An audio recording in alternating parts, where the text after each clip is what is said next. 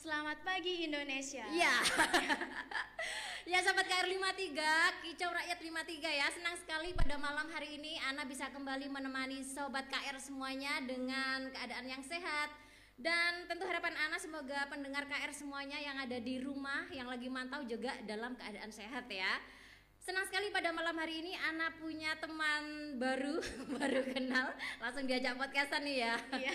Ada Mbak Zihan Umami, ya. Iya. Mbak Zihan ini adalah eh, ketua PMI Jombang. Komisariat Darul Ulum Jombang. Oh, komisariat Darul Ulum Jombang ya. ya, bagaimana kabarnya Zihan Eh, Alhamdulillah baik Mbak untuk saat ini. saat ini? Iya. Semoga tetap sehat ya, tetap Iya, baik ya. saja. nah, untuk saat ini apa nih kesibukannya Zihan?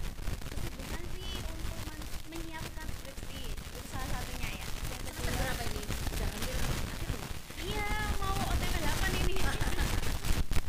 Perjuangan ini ya. Iya, perjuangan banget ini Ah, untuk ah. skripsi. Ah, ah. Terus yang kedua sama lagi ngajar sih Mbak sekarang. Lagi ngajar ya? Iya. Di Di SMP Russian Vicar sekarang. Ah, Iya. iya iya. Ngajar apa ini spesifiknya? Eh, di itu guru pendamping khusus untuk anak-anak ABK. Oh iya iya ya, menarik sekali itu. Eh kalau eh, boleh tahu nih, Zihan eh, ambil jurusan apa nih? Eh, untuk saat ini jurusan yang di Undar saya ambil itu psikologi mbak. Psikologi. Iya. Nah, jadi jangan macem-macem ya. kalau yang kenal sama Zihan bisa dibaca nih karakternya kayak apa. Nggak terlalu berbahaya kok. Enggak terlalu ya, sudah Jina ini. ya sahabat KR eh, yang ingin gabung ngasih komen ataupun ngasih pertanyaan ya atau ngasih makanan juga boleh ya Zihan. Boleh banget. Boleh banget. Bisa langsung eh, chat di eh, live Facebook di KR 53 Broadcast atau bisa juga datang langsung ya di sini di Jalan Kapten Tendean nomor 53 Jombang. Tepatnya di Kedai Sufi, tempatnya ngopi Nusantara. Jos ya. Promo dulu ya Mas Ri. ya, sahabat KR 53 pada malam hari ini kita akan membahas satu tema yang nggak jauh-jauh dari ini nih jurusannya Zihan nih jadi psikolog ya. Kita akan bahas tentang insecure. Wah, what is insecure? nah, eh, kalau kita eh, ingin jauh membicarakan tentang insecure ya, sering kali kita dengar, tapi mungkin kita tidak benar-benar paham atau tidak benar-benar apa ya memahami insecure itu apa. Nah, menurut Jihan sendiri eh, definisi atau pemahaman dari insecure ini apa sih? Kalau dari definisi saya Ha. sendiri ya mbak ya, Ha. yang sering terjadi itu eh, insecure sendiri itu rasa ketidaknyamanan kepada dirinya sendiri, Mm-mm. rasa ketidakpercayaan diri, Nggak atau- pede gitu ya? Iya, Ha-ha. malu terus sama nggak yakin apa yang ada di dalam dirinya itu insecure sih. Insecure. Iya. heeh. jadi eh, kalau merasa minder, Iya. rendah diri itu sudah bisa dimasukkan Iya. kategori insecure Iya, ya. Bisa masuk gitu. Heeh. Kalau eh, Zian eh, sendiri melihat perkembangan saat ini ya, terutama anak muda nih. Nah, ini kan Zian masih muda. Kalau saya sudah apa ini setengah tua ya Mas Bri? oh belum tua. Itu kan eh, kita lihat banyak sekali ya kayaknya anak muda yang eh, mengalami insecure. Kira-kira why atau kenapa sih misalnya anak muda ini lebih sering mengalami insecure? Insecure itu penyebabnya itu banyak mbak sebenarnya. Banyak. heeh. Bukan hanya di lingkungan eksternal saja, tapi Mm-mm. dari internal dari individunya itu juga bisa menjadi penyebab insecure itu. Mm-mm, mm-mm. Pertama rasa ketidakpercayaan atas kemampuannya itu, itu yang ada di Mm-mm, internal mm-mm, dirinya. mm-mm. Terus kalau yang ada di eksternal dirinya itu ada kayak eh, dampak dari sosial, intinya dari teman-temannya. Terus yang kedua dari ini eh, fisiknya. Fisiknya. Ya, fisik yang ada di dalam dirinya itu bisa jadi penyebab insecure-nya dari dia. Mm-mm. Terus juga eh, keluarga itu juga bisa menjadi penyebabnya. Si, si, si, kita satu-satu deh. Iya, Supaya nggak bingung Iya, satu-satu. Yang yang yang pertama dulu tadi apa? Yang pertama yang ada di dalam dirinya Heeh. ketidakpercayaan atas kemampuannya nih. Misalnya Misalnya Heeh. dia mau ditunjuk untuk tampil di depan umum. Untuk gitu. berbicara nih. Iya. Heeh. Contohnya kayak saya nih. gitu. Heeh, heeh. Awalnya saya juga insecure mbak, ragu gitu. aku bisa apa gitu lah itu yang menjadi insecure ada yang lain yang lebih pantas lah itu yang ada di pikiran-pikiran anak-anak sekarang mbak dia nggak yakin atas kemampuannya itu padahal dia bisa cuma dia itu masih malu-malu yang pertama terus yang kedua itu masih ragu atas ketidakmampuannya soalnya kan menjadi manusia itu sebuah resiko buat kita Uh, uh, uh, uh. resikonya itu apa yang pertama ragu dan ketidakyakinan kepada dirinya Tidak percaya diri ya. iya itu contoh yang pertama ya. Iya, yang ada di eh, internal Yang ada di kita. internal eh, individu sendiri ya, Iya. personal ya. Kalau yang kedua tadi apa? yang kedua dari dampak sosial media Ha-ha. Nah, sekarang kan lagi marak nih sosial media ya. Apalagi di Instagram, TikTok eh banyak kayak perempuan-perempuan cantik, terus bertalenta, terus eh, menunjukkan nih kalau dia punya pasangan lah. Ini jadi itu anak-anak sekarang kayak misalnya nggak punya pasangan atau dia yang penampilannya kurang itu minder. Oh kok di sosial media ini semua itu lagi pakai barang-barang yang mewah kayak gitu. Terus pakai pakaian yang eh, branded, Branded, nah, gitu. tas-tas, sepatu. gitu. ah. Nah itu jadi insecure dia. Aku mau beli ini tapi takut nanti ini KW, yang lainnya itu ori gitu. Itu bisa dari sosial media itu. Terus yang ketiga dari faktor keluarga nih. Hmm, Nah, keluarga. itu yang sering itu. itu gimana kan gimana nih contohnya nih kalau yang dari faktor keluarga kayak apa nih Zian? Contohnya nih, Ha-ha. kita dari kecil dituntut untuk pintar, untuk mendapat nilai yang sempurna gitu. Nah, tapi kan kapasitas dari anak itu nggak bisa sempurna ya mbak. Semua manusia kan diciptakan untuk eh, memiliki batas gitu. Nggak- Atau mungkin eh, setiap orang memiliki kemampuan yang Iya, berbeda-beda ya. kemampuannya yang beda-beda. gitu. Nobody is perfect. Ya, ya, nah, cuma dari orang tua itu menuntut kita eh, nilai rapotmu harus A, Hmm. harus B gitu. Lah anak menjadi tertekan, dia nggak percaya terpressure ya. Iya, di pressure Ha, ha. keras gitu. Nah, itu dia akhirnya tuh tertekan, akhirnya malah tambah tidak Hmm. itu apa sih namanya? membuat dia itu minder sama teman-temannya gitu. Hmm. Teman-temanku mendapatkan nilai A. Kalau aku pulang nggak bawa nilai A, nanti aku dimarahin orang tuaku. Gitu biasanya. Hmm, itu udah dari faktor keluarga ya. Contoh, Ha-ha. salah satu contoh dari Ha-ha. faktor keluarga. Terus selanjutnya dari faktor tubuh nih. Ini ini yang sering nih, Oh. faktor Body. body image. Hmm. Itu yang sering banget tuh. Contohnya nih. Contohnya eh, banyak laki-laki tuh menggandrungi perempuan yang cantik, yang putih, Oh. tinggi kayak Pencitraan gitu. kata Iya. cantik ya, langsing, Iya, hidung itu. mancung, berambut panjang. Ah, itu terlalu banyak iklan kayaknya. terlalu kena impactnya iklan ini ya. Iya. Ha, ha, ha. Padahal di iklan kan juga nggak sempurna kayak gitu kan, ha, Mbak. ha, ha, ha. Lah karena itu faktor dari eksternalnya. Jadi merasa ini ya, seseorang merasa tubuhnya tidak sempurna, iya, tidak menjadi cantik atau tampan sesuai dengan pendapat pencitraan atau pendapat orang lain. pendapat itu. orang lain ya, dan itu kayaknya eh, sangat erat kaitannya dengan ini ya, media mainstream yang membuat bener ini loh iklan yang dibilang iklan kecantikan nah, kayak gitu. Itu kan menjadi nilai buat para perempuan nih.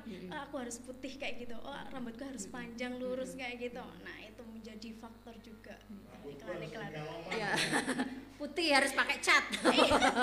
Dan kadang sampai ini ya karena ingin dibilang perfect dibilang cantik atau ganteng kadang sampai eh, kurang memperhitungkan dampaknya. Kan ada tuh yang pakai kosmetik yang tidak tidak apa ya tidak tahu dampaknya. Kadang ada yang semakin rusak kan Iya, ada juga Mbak kayak gitu. justru semakin wajahnya jadi kacau balau Bener. karena nggak cocok dengan Tapi eh, kulitnya. dicocok-cocokin. dicocok-cocokin karena iklan oh ini anda jadi putih Eh, putih atau tambah apa gitu ya Iya. rambutnya harus lurus kalau cantik akhirnya lah di rebonding diapain gitu Malah ya bergelombang nanti. ya itu tadi ini ya eh, beberapa penyebab, Penyebab, ya ya. kenapa seseorang itu menjadi insecure Eh, kalau Zian sendiri nih wah, menarik Iya. nih Zian sendiri pernah nggak mengalami eh, insecure itu Jelas pernah sih Mbak. Pernah ya? Pernah aku. Eh, kapan dan why Waktu SMA, SMP SMA sih. Kan aku kan kecil ya orangnya ya. Ha-ha. Pendek nih. Lah aku insecure dulu itu mbak. Oh. Aku pendek ya di antara teman-temanku gitu. Ah, ah. tapi ada teman-teman yang lain sih. Nggak apa-apa kok pendek malah mungil. Terus awet muda kalau pendek biasanya gitu. Ah, di dikasih bumbu-bumbu kayak gitu dulu itu mbak. Terus akhirnya akhirnya semenjak kuliah oh iya sih teman-temanku yang lain juga pendek sih gitu.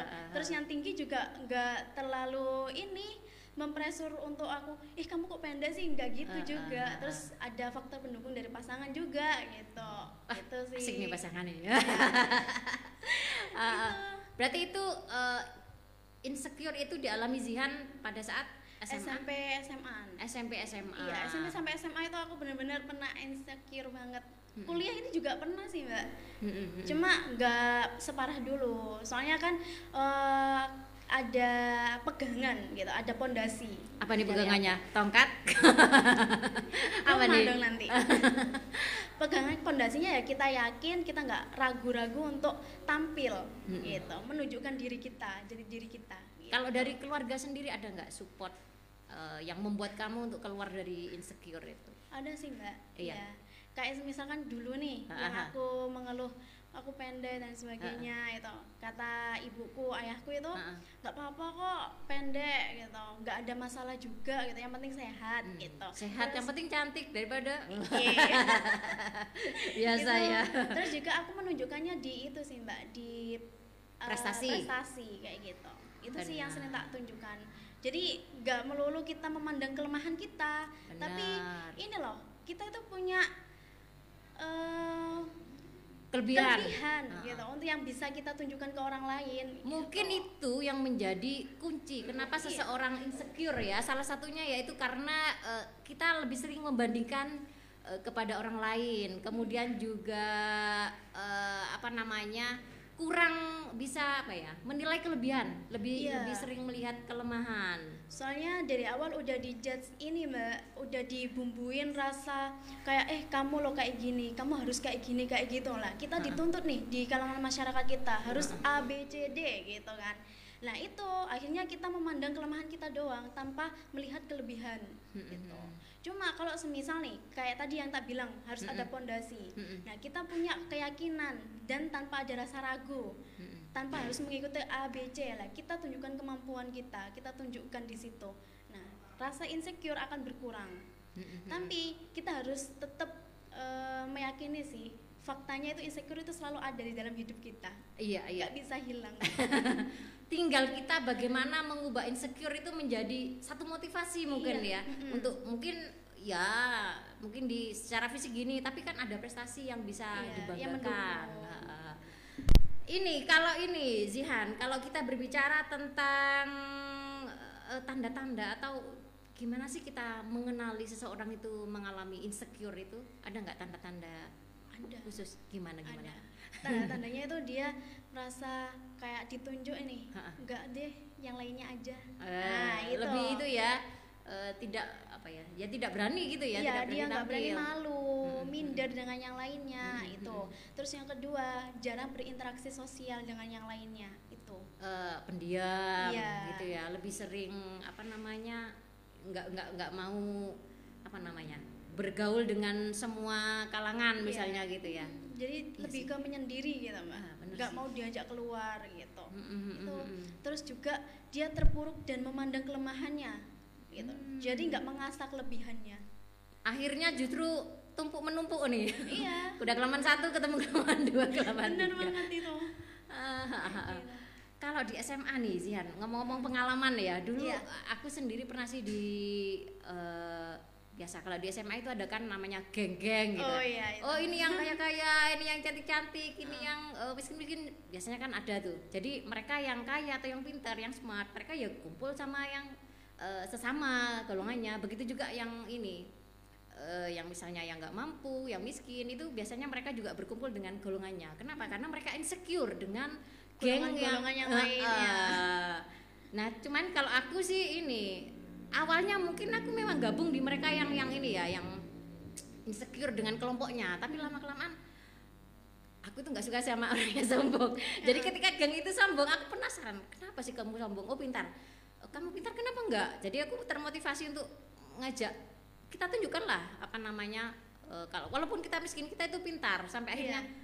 Aku bisa bergaul dengan mereka mau ke kanan mau ke kiri itu bisa tapi memang tidak tidak semua orang bisa ya Iya. me- apa namanya melakukan hal itu kalau uh, dari sisi psikolog sendiri nih insecure ini masuk masalah kejiwaan nggak sih Han? Kalau kejiwaan enggak sih mbak? Enggak ya? Sampai iya. nggak sampai itu Iya, masih belum, ya Belum. Kalau insecure parah itu bisa, bisa masuk. gimana insecure parah itu kayak gimana Iya kalau dibilang insecure Dia parah? tidak mau berinteraksi dengan sosialnya. Itu bisa nih. Dia sampai stres itu bisa. Hmm. gitu karena memikirkan pendapat-pendapat orang lain akhirnya mikir kan dia terus Apalagi bisa pendapatan. nggak ada pendapatan nggak ada ya pendapatan terus juga bisa ke ini juga bipolar itu bisa nanti dia oh Kalau insecure parah eh, itu. eh, jadi itu yang apa ya namanya insecure yang sudah parah jadi bisa Mm-mm, sampai kayak bisa- bisa gitu sampai. Jadi kita kalau merasa insecure ayolah coba untuk keluar dari zona nyaman gitu Mm, mm, mm, mm, mm.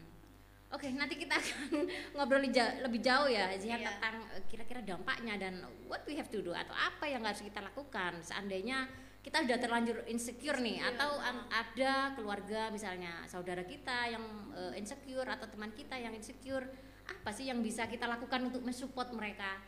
Tapi sebelum itu kita salam-salam dulu ya Zian. kita ada sesi salam-salam nih. Zian dulu nih, siapa yang mau disalami malam hari ini? Eh, aku pengen salam ke ini sih keluargaku yang ada di Jakarta om tante budeku kan ada di Jakarta oh, semua ada di Jakarta iya. semua. Tapi Beberapa mereka stay-nya di sini kan di Jombang? Enggak, stay-nya di Jakarta. Oh, stay-nya di Iya, Jakarta. stay-nya di Jakarta Ha-ha. gitu. Ya, selamat malam. Siapa namanya? Keluarga apa ini? Keluarganya aja sih banyak yang di sana, Mbak. Kalau Oh. sebutin satu-satu ya Banyak. iya. Iya. Gitu. Terus siapa lagi? Terus yang kedua, salam untuk teman-teman perjuangan skripsi Fakultas Psikologi Undar nih. Semangat perjuangan skripsi, jangan sampai stres. gitu. Oke. Harus menjaga mental gitu. Ah, ah. Fisik juga pastinya ya. Iya, jangan sampai begadang yang berlebihan sih Mhm. kalau skripsi itu. Itu. Terus ada Terus siapa yang lagi? terakhir buat salam untuk sahabat-sahabat PMII yang ada di seluruh Indonesia. Iya. Gitu. aku berproses kan di awal di PMII toh. Ah, Mbak. ah. Ya, aku bisa kayak gini ya karena ikut PMII sih Eh, iya iya iya. awalnya. Uninsecure. Mengubah ya. Iya. Nah, kalau Ana sendiri masih ingin menyapa ini teman-teman yang eh, sampai sekarang belum mau ikut podcastan ya. Anak-anak muda nih, Zihan ada nih yang biasanya Oh. ngopi di sini, anak-anak SMA nih. Ada Dinda, kemudian ada Vina, ada Maura. Kita tunggu nih. Harus keluar dari insecure, insecure itu ya, nggak Oh, tahu iya. kenapa mereka nggak berani gitu ya. Nah, mungkin itu memang butuh proses dan aku hargai sampai mereka Iya. benar-benar merasa yakin atau merasa pede untuk kemudian tampil. Iya. Tetap saya ajak sih ya, Dinda kapan-kapan ya, atau Vina. ya kita lanjutkan nih Zihan, obrolan kita tentang insecure. Nah, eh, dampak dari insecure ini kan selain dirasakan oleh individu, pastinya juga dirasakan oleh keluarga atau Iya. bahkan mungkin eh, oleh masyarakat di sekitar. Nah, kalau menurut Jihan sendiri dampak dari insecure ini apa saja sih? Dampak yang bisa kita alami nih. Eh, eh, yang bisa terjadi kalau kita insecure.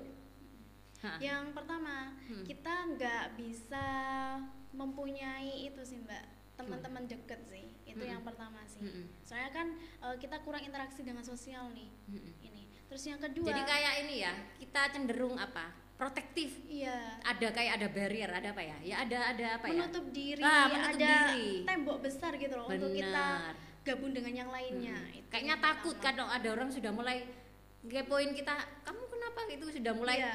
tambah banyak apa namanya? Mau melangkah itu iya enggak iya enggak ragu. Ragu-ragu. Iya, Ah, ragu-ragu ah, gitu. ah, ah.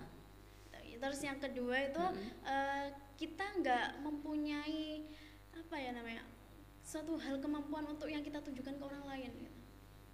Gimana gimana? Kita takut mungkin ya? Iya takut takut untuk tampil. Takut untuk speak Kayak up, gitu. Iya. show up gitu ya. Padahal mulut itu pengen ngomong ya. Mm-mm. Cuma karena dia takut untuk ngomong ini kayaknya salah di omonganku. Bener nggak ya nanti takut orang lain bilang aku bodoh.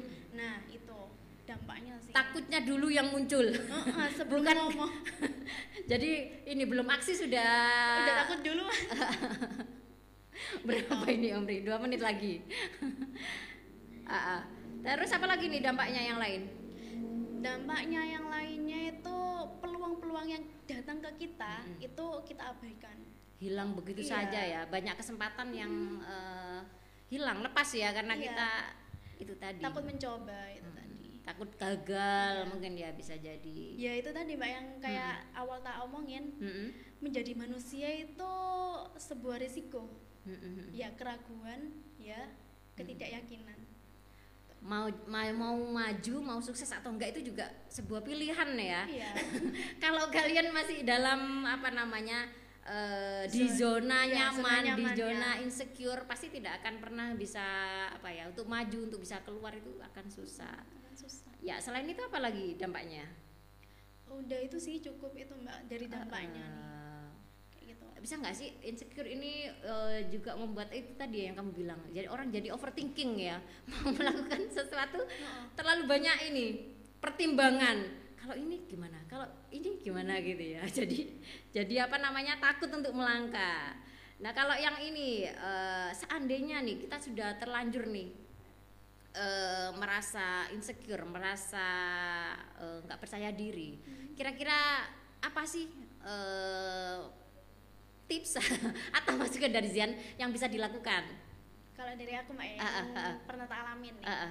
yang pertama itu cobalah untuk keluar dari zona nyaman itu yang Mm-mm. pertama nih Mm-mm. terus yang kedua pondasiin diri kamu yakinin bahwa kamu itu bisa melakukan semua hal gitu Mm-mm, tanpa mm-mm. jangan malu dulu tunjukkan dulu prestasimu Mm-mm, tunjukkan kelebihanmu dulu gitu terus yang ketiga datanglah ke orang-orang yang kamu percayai. Untuk kamu cerita kamu luapkan. Orang-orang insecure itu kan dia cenderung memendam kan mbak? Memendam Hmm. masalah memendam eh, keraguannya dan lain sebagainya. Lah cobalah untuk bercerita ke orang-orang yang berpendapat atau yang dekat dengan kamu. Ha-ha. terus yang keempat eh, datang atau kamu kan jelas nih orang-orang ini sekarang udah punya apa sih soulmate gitu namanya Ha-ha. nah jadikan soulmatemu itu untuk teman ceritamu Mm-mm. itu sih mbak itu ya jadi menggunakan semua energi positif yang ada di Iya. sekitar kita Benar. untuk bisa keluar dan Iya, harus itu. berani mengambil resiko ya maksudnya berani untuk keluar dari zona nyaman zona ketakutan itu iya karena kalau eh, mungkin Jan sendiri ya kalau tidak pernah mencoba tampil di muka publik. Mungkin sampai sekarang juga akan diam diem dan tidak tidak tahu dunia luar yang Iya, lebih harus, menarik. harus berani nyoba. Kalau Mm-mm. ada peluang itu manfaatkan peluang itu gitu. Semaksimal mungkin ya. Iya benar. Soalnya peluang itu kan nggak datang dua kali nih mbak. Oke, oke kayaknya waktunya sudah waktunya closing ini Mas Ria. ya terima kasih Zian, kayaknya waktu Oke, Mbak. begitu cepat ya kita lagi Iya, asik-asiknya. Terima kasih atas waktunya Zian. Eh, semoga saja paling nggak apa yang kita bicarakan ini bisa menjadi referensi ya buat Iya, teman-teman KR yang ada di sana. Eh, semoga bisa keluar dari zona insecure Iya. dan kembali untuk berani speak up ya. Oke sekian dulu Sobat KR53 untuk eh, ngobrol kita hari ini Terima kasih juga buat Zihan yang sudah eh, meluangkan waktunya Iya, Di Mbak, tengah-tengah sama-sama ya. skripsi aku Di tengah KKM makasih banget nih Ah, ah, udah ah. dikasih peluang kesempatan buat di sini Oke, quotes untuk malam hari ini Jika suatu saat kamu merasa insecure Segera yakinlah kamu pasti bisa mengatasinya Harus yakin dulu harus ya yakin Oke terima kasih semuanya Kita akhiri Wassalamualaikum warahmatullahi wabarakatuh KN53 Voices for the Voiceless Menyuarakan yang tidak bersuara Terima kasih Wes sama serius di stop